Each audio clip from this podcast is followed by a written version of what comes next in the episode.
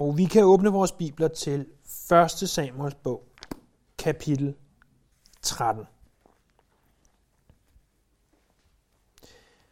Saul han var nu blevet konge. Og her i kapitel 13, der ser vi den første konfrontation, Saul han har. En konfrontation med filistrene. Der står kapitel 13, vers 1. Saul var prik, prik, prik år, da han blev konge, og han regerede to år i Israel. Saul udvalgte 3.000 mand fra Israel. De 2.000 var hos Saul i Mikmas og i bjergene ved Betel. De 1.000 var hos Jonathan i Gibea i Benjamin.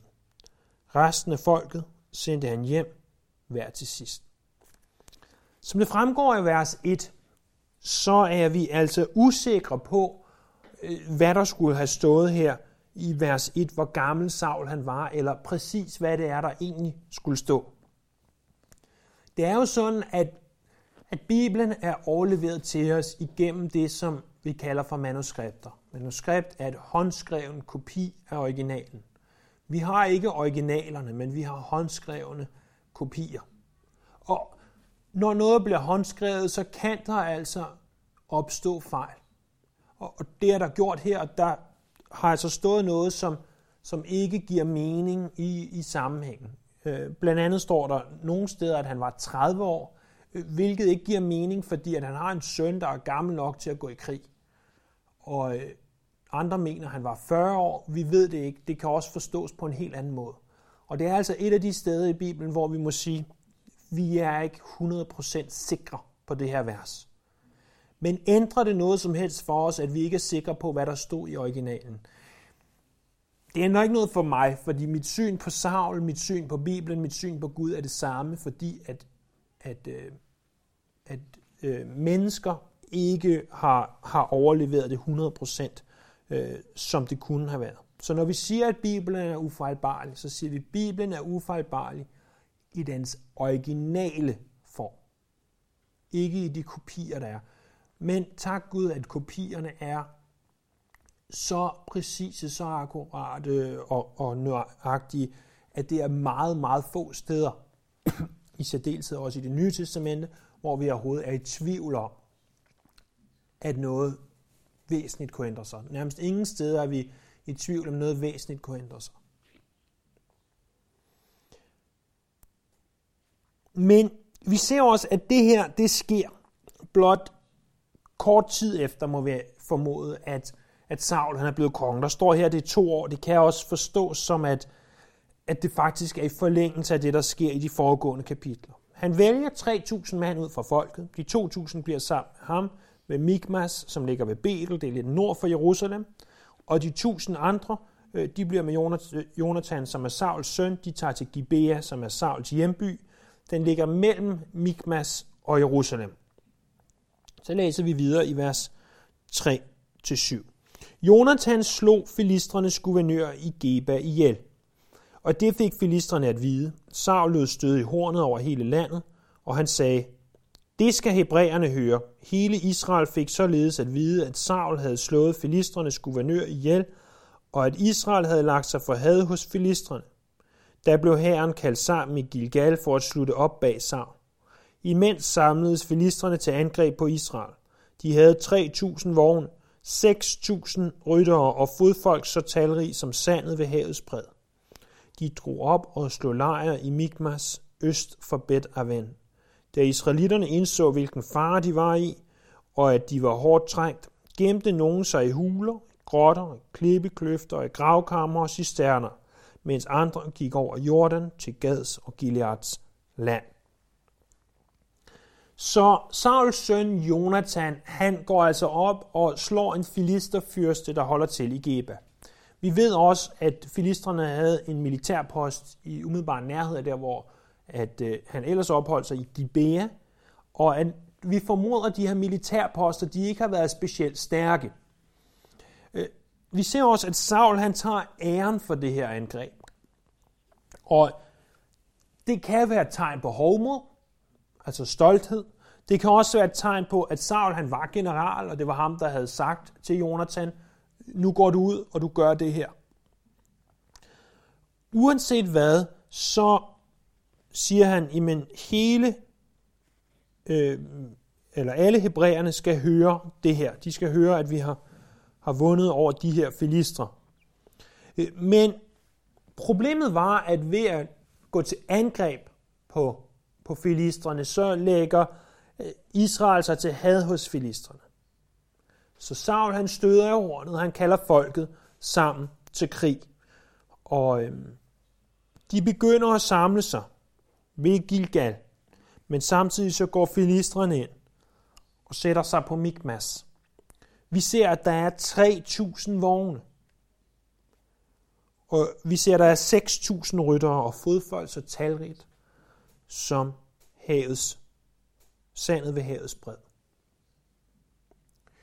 Det skal også siges her, at der er nogle manuskripter, der står rent faktisk, at der er 30.000 vogne. Men ud for øh, sammenhængen mellem, hvor mange vogne og rytter man normalt havde, der giver tallet 30.000 ikke meget mening. Og når man så ved, at man kan ændre øh, 30.000 til 3.000 øh, ved nærmest et komma i, øh, på hebraisk, så giver det endnu bedre mening, hvis der skulle være en forskel. Plus nogle manuskripter siger 3.000. Så vi må formode, at der var 3.000 der var 6.000 ryttere, og der var utallige mange fodfolk. Øh, vognene var jo netop noget af det, filistrene var kendt for. De havde tre mand på hver vogn, en mand, der styrede, og to mænd, der hver stod med et spyd. Og en vogn var altså et, en fodsoldat langt, langt overlegen, ligesom en rytter også var det. Og, øh, og det vi ser her, uanset om der var 30.000 eller 3.000 eller hvor mange der var, det er, de var totalt overlegen. Filistrene var Israel totalt overlegne. Men Israel samles, og, og der samles altså folk her. Og øh, da de så ser, at filistrene kommer, så flygter de. Så bliver de bange. Så, så stikker de simpelthen af. De gemmer sig i huler, de gemmer sig i kløfter, de går Jordanfloden. David Gusick han skriver, Vores kamp er ikke imod filistrene. Øh, vores fjende er imod øh, myndigheder og magter og verdensherskerne i dette mørke. Det er altså Satan og hans dæmoner. Øh, vores fjende agerer på samme måde som filistrene. Så længe vi er svage, så længe vi underordner os, så bekymrer fjenden sig ikke om os. Det er næsten, at han kan lide os. Men så snart vi udviser mod og styrke i Herren mod Herrens fjender, så vil den her fjende hade os. Så Israel, de havde været næsten venner med filistrene, men nu var de gået imod filistrene. Og så hader filistrene dem. Og det samme ser vi altså i den åndelige verden. Så længe at du lever et,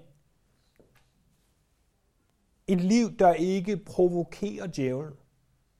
Et liv, hvor at, at du ikke rigtig er nogen trussel for ham. Et liv, hvor du ikke beder, et liv, hvor du ikke læser, et liv, hvor du ikke har fællesskab med andre kristne. Et liv, hvor du ikke er stærk i Herren og i hans mægtige styrke og tager Guds fulde rustning på. Når du lever sådan et liv, jamen så vil, så vil han ikke rigtig bekymre sig om dig. Han har dig jo egentlig, hvor han gerne vil have dig. I hvert fald, hvor han kan have dig. Det bedste sted, han kan have dig. Du udgør ingen trussel for ham og hans rige. Men så snart du begynder på at tage rustningen op og stå fast i Herren, så begynder han at angribe. Det håber jeg, du ved, at hvis du vil leve et liv, hvor du brænder for Jesus, så vil du blive angrebet igen og igen.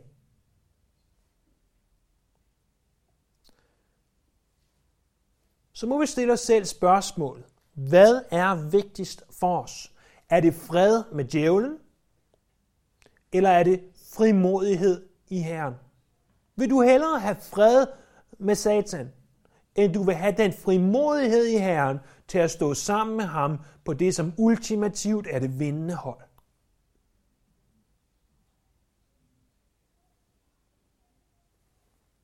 Så ser vi videre i vers 8 ned til vers 14. Saul var stadig i Gilgal, og hele hæren sluttede op bag ham. Skælvende af rasel. Han ventede syv dage til den tid, Samuel havde fastsat. Men Samuel kom ikke til Gilgal, og folkene begyndte at forlade ham og spredes. Da sagde Saul, kom med brandofferet og måltidsofferet, og han bragte brandofferet. Han var netop færdig med at ofre, da Samuel kom, og Saul gik ham i møde for at hilse ham. Hvad har du gjort, spurgte Samuel, og Saul svarede, da jeg så, at folkene forlod mig og spredtes, og at du selv ikke kom til den aftalte tid, og at filistrene samledes i Mikmas, tænkte jeg, nu drager filistrene ned imod mig i Gilgal, og jeg har ikke søgt Herrens gunst. Så tog jeg mod til mig og bragte brandofferet. Samuel sagde, du har båret dig tåbeligt ad. Hvis du havde holdt den befaling, som Herren din Gud havde givet dig, havde Herren grundfæstet dit kongedømme over Israel til evig tid. Men nu skal dit kongedømme ikke bestå. Herren har udsøgt sig en mand efter sit hjerte. Ham har han udpeget til fyrste over sit folk, fordi du ikke holdt, hvad Herren befalede dig. Så tog Samuel afsted og drog op fra Gilgal til Gibea i Benjamin. Så Saul er nede ved Gilgal, og der venter han på Samuel i syv dage. Tidligere, da Saul var blevet salvet, øh, så vi øh, i, øh, kap, tilbage i øh, kapitel 10, at han blev fortalt, du skal vente syv dage i Gilgal Saul på, at jeg kommer. Og vi må formode, at det gjorde han på det tidspunkt, lige efter han var blevet salvet, og nu gør han det så igen. Men Saul bliver utålmodig. Han ved, at filisterne ånder ham i nakken. Han tænker, nu er der ikke gået en, men heller ikke to, og heller ikke tre, fire, fem, seks, men nu er der altså gået syv dage. Hvorfor i alverden skulle Samuel trække den til det sidste? Han når ikke at komme. Hans ur, kalender, eller hvad det nu er, må være gået i stykker.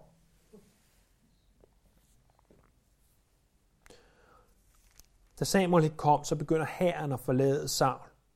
De vil ikke være med ham mere. Og Saul begynder altså at ofre og sige, så må vi søge herren. Så, så må vi gøre et eller andet her for at få herren med på vores side. Og da Samuel så kommer til Gilgal, så siger han til Saul, hvad er det, du har gjort? Og Saul begynder så at undskylde og sige, ja, men du var her jo ikke og så offrede vi, og så gjorde vi altså det her. Men Saul var ikke præst. Saul var Benjamit, ikke Levit. I ved, det var levitterne, som var præsterne. Og han offrede alligevel.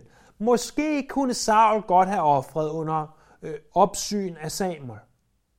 Men han ventede ikke på Samuel. Han var utålmodig. Hvad var det, der var hans problem? Jo, han handlede for det første på baggrund af, hvad han så. Prøv at se der i vers 11. Hvad har du gjort, spurgte Samuel. Og Saul svarede, da jeg så, at folkene forlod mig og spredtes. Det er så nemt, venner, at foretage vores valg på baggrund af det, vi ser. Da jeg så, at det her skete, så gjorde jeg sådan her. Lad os ikke foretage vores valg på baggrund af det, vi kan se, men lad os foretage vores valg på baggrund af det, vi ikke kan se. Nemlig på baggrund af, hvad Gud han ønsker for os. På baggrund af, hvad der er det rigtige. Det kan godt være, at du kan se, at Herren forlader dig du har 600 mand. Det er, så vidt jeg husker, dobbelt så mange, som Gideon havde, da han kæmpede. Og Gud gav ham en stor sejr.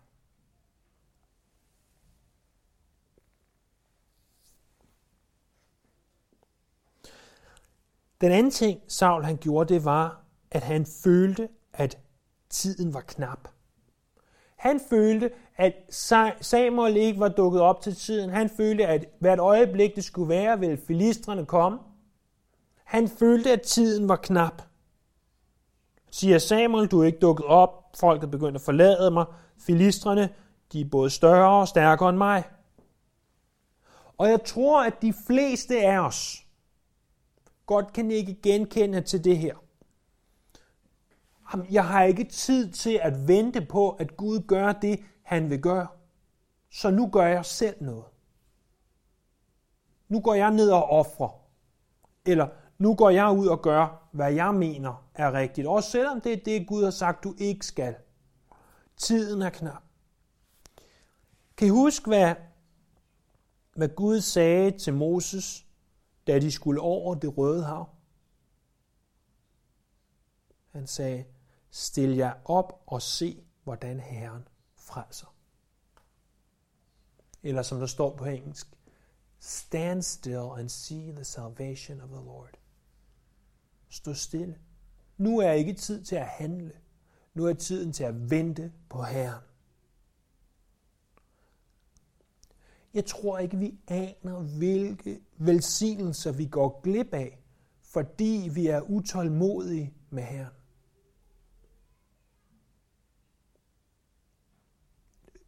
Flere gange, end jeg tør tænke på, ved jeg, at jeg er kommet forud for det, som Herren ønsker for mig. Og så prøver jeg og løser måske endda selv problemet. Men på en måde, hvorpå jeg går glip af en af de velsignelser, som han vil give mig.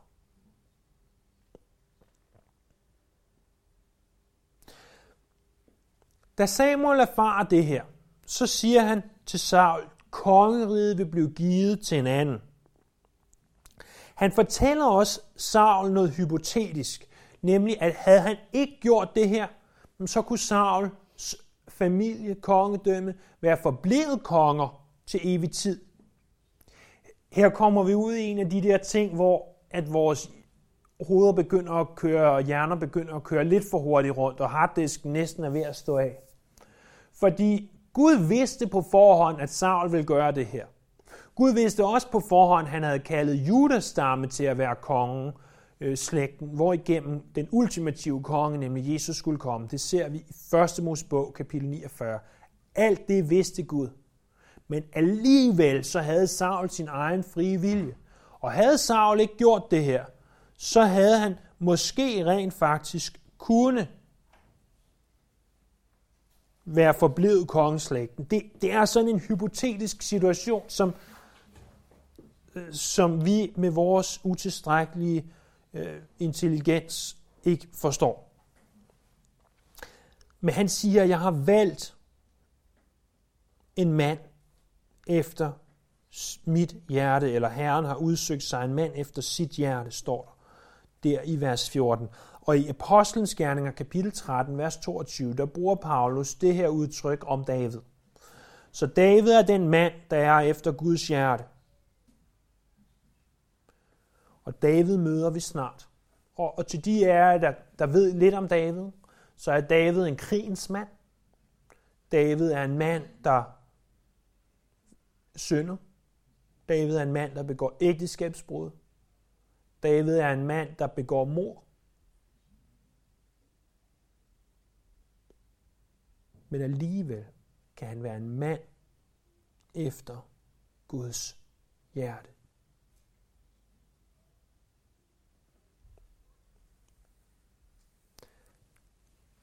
Hvorfor?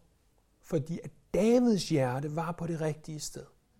Selvom han var et menneske, selvom han gjorde menneskelige ting, ligesom du og jeg gør menneskelige ting, så som et søn, så var hans hjerte på det rigtige sted. Han ønskede ikke at synde.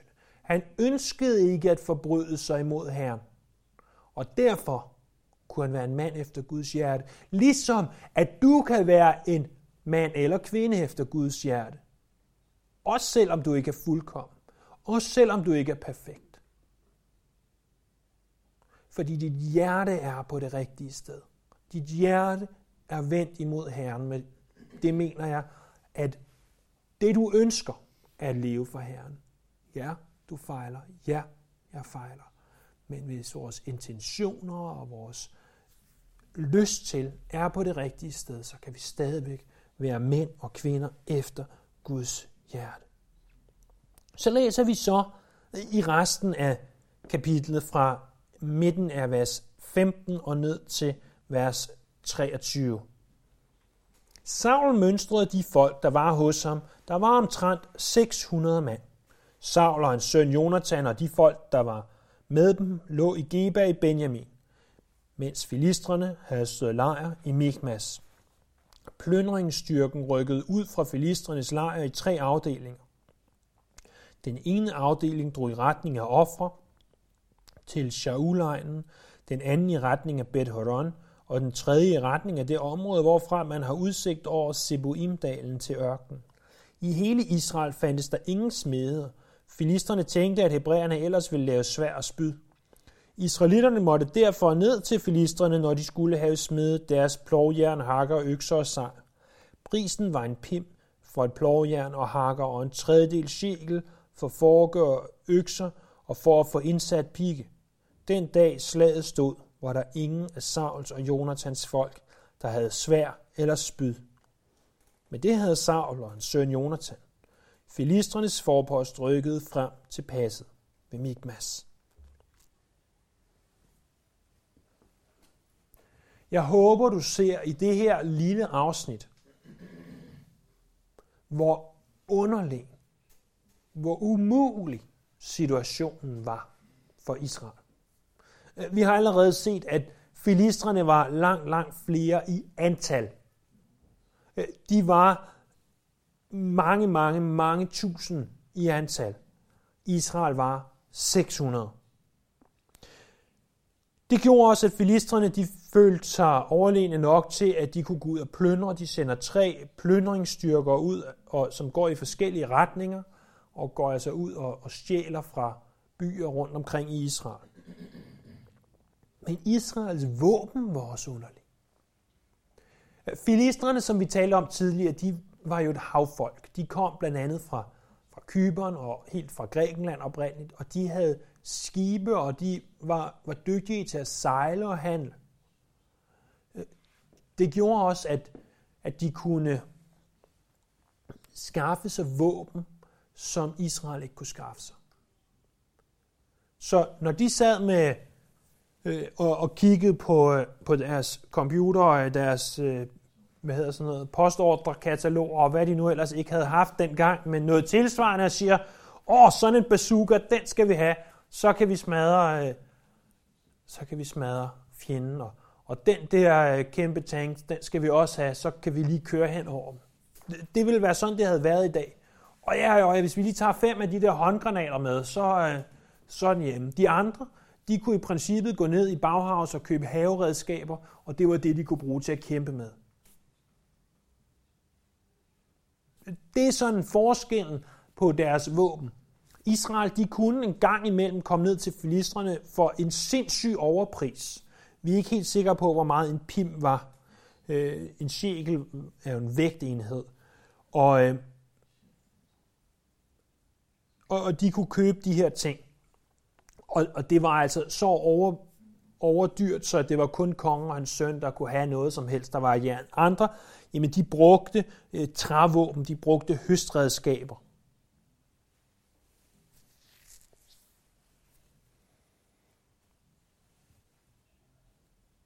Israel stod i en situation, hvor deres eneste håb var at stole på Herren.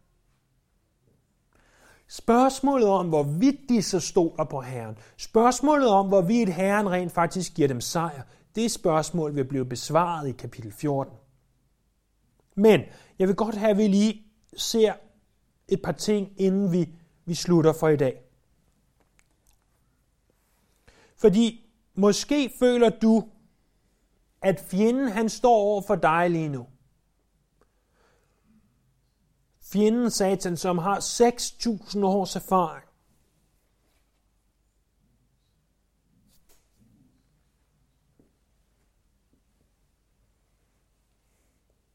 Det er omkring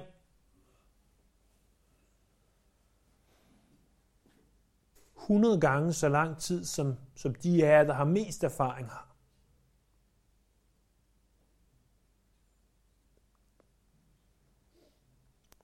Han har ufattelig mange håndlanger. Han er usynlig. Det ser rigtig skidt ud for os. Og vi føler, eller du føler måske, at, at Satan eller en af hans dæmoner har fat i struben på dig. Og hvis han vil, så kan han trykke. Og så er du færdig. Men, men, men, husk nu ordene fra 1. Johannes kapitel 4, vers 4, at større er han, som er i jer, Jesus, end han, som er i verden, Satan. Større er Jesus end Satan. Det kan godt være, at det ser sort ud for dig. Det kan godt være, at du føler, at du kun har nogle små trækøller, du selv har snittet. Og, og at fjenden har stridsvogne og heste og alt muligt andet fancy. Men det er fuldstændig underordnet når du tænker på, hvem der er på dit hold. Nemlig Jesus. Johannes han skriver også til øh, der i sit brev, første brev, i kapitel 2, vers 13, at I, og det er de unge, skriver han til, har overvundet den onde. Det har en, en helt specifik betydning med den gamle og den unge osv. Men det er ikke så meget det. Det er mere det her, at, at vi som kristne har overvundet den unge. Det her ord, græske ord, der bruges for overvundet, det står i en form, som betyder, at det skete i fortiden, men det har en vedvarende betydning som minimum ind til den dag, hvor at, at læserne sidder og læser det.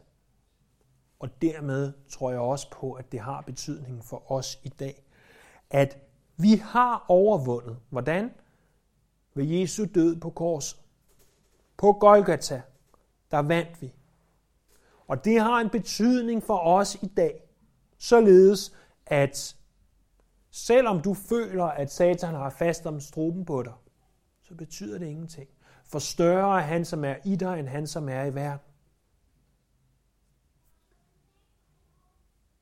Næste gang vil vi se, hvordan vi så rent faktisk vinder. Vi er nødt til at respektere den her fjende, øh, men vi skal ikke frygte ham.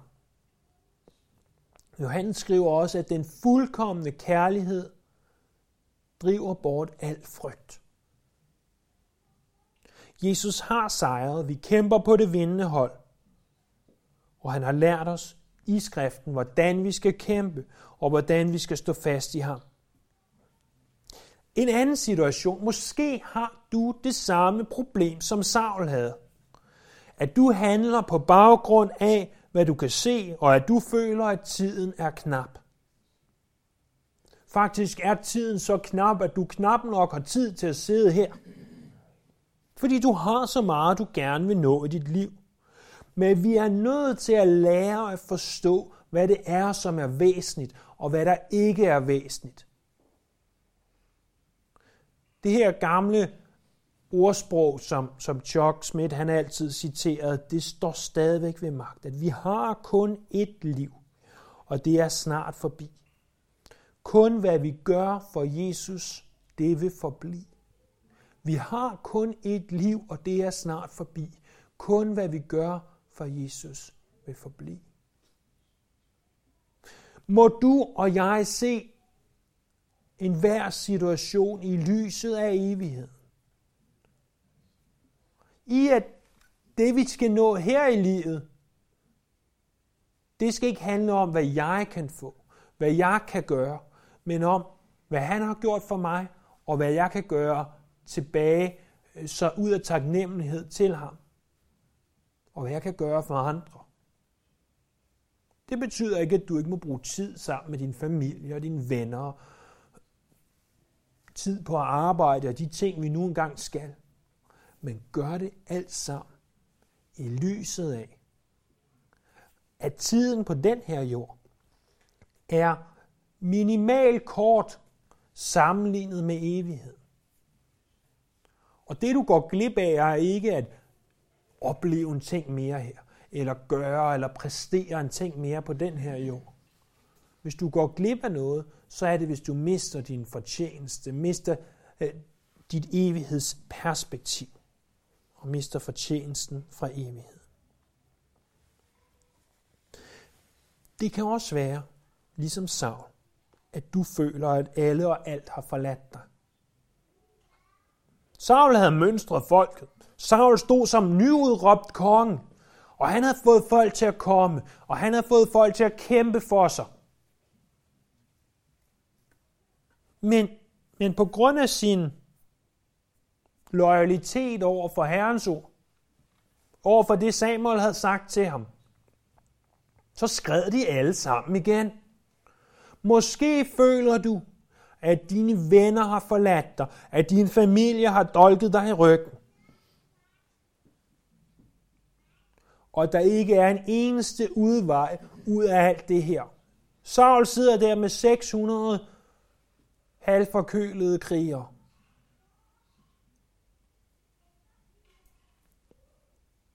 Som ikke har våben, som bare kan se deres familier rundt omkring blevet berøvet og formodentlig voldtaget og alt muligt andet ubehageligt. Og alt ser håbløst ud. Måske føler du i dag, at dit liv ser håbløst ud. Men hvis det er tilfældet, så lad os huske ordene fra salme 61, vers 3 hvor der står, at fra jordens ende råber jeg til dig, når jeg føler afmagt. Og det jeg råber, det er, at du skal føre mig til den klippe, som er højere eller for høj for mig. Den klippe er Kristus. Når du føler afmagt, så kan du råbe selv fra jordens ende. Før mig til dig, Gud.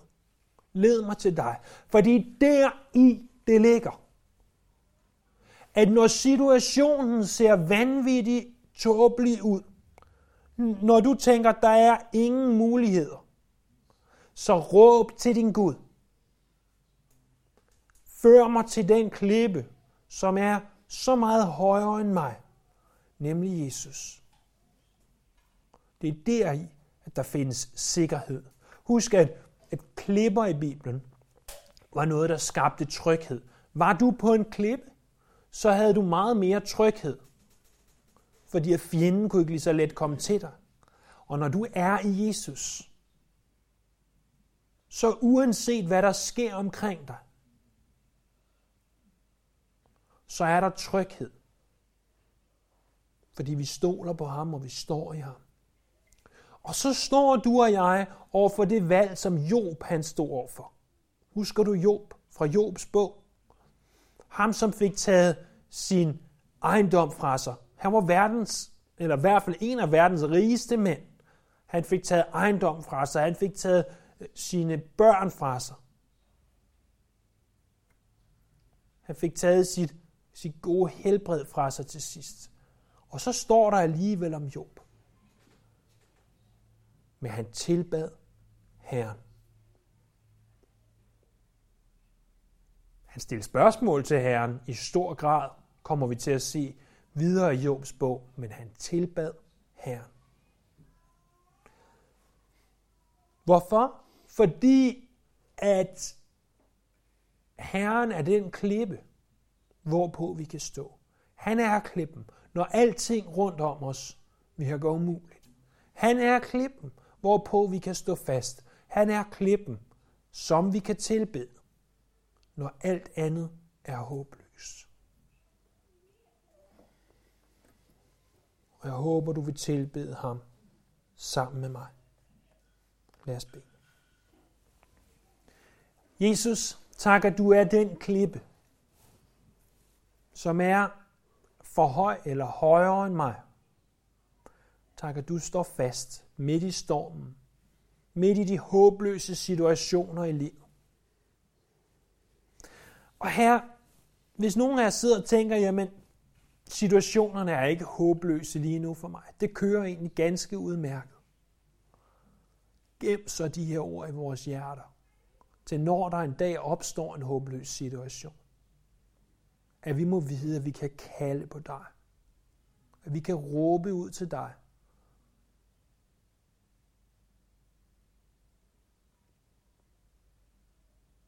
Og finde sikkerhed i dig. Vi ærer dig, Jesus. Vi priser dig, og vi takker dig. Amen.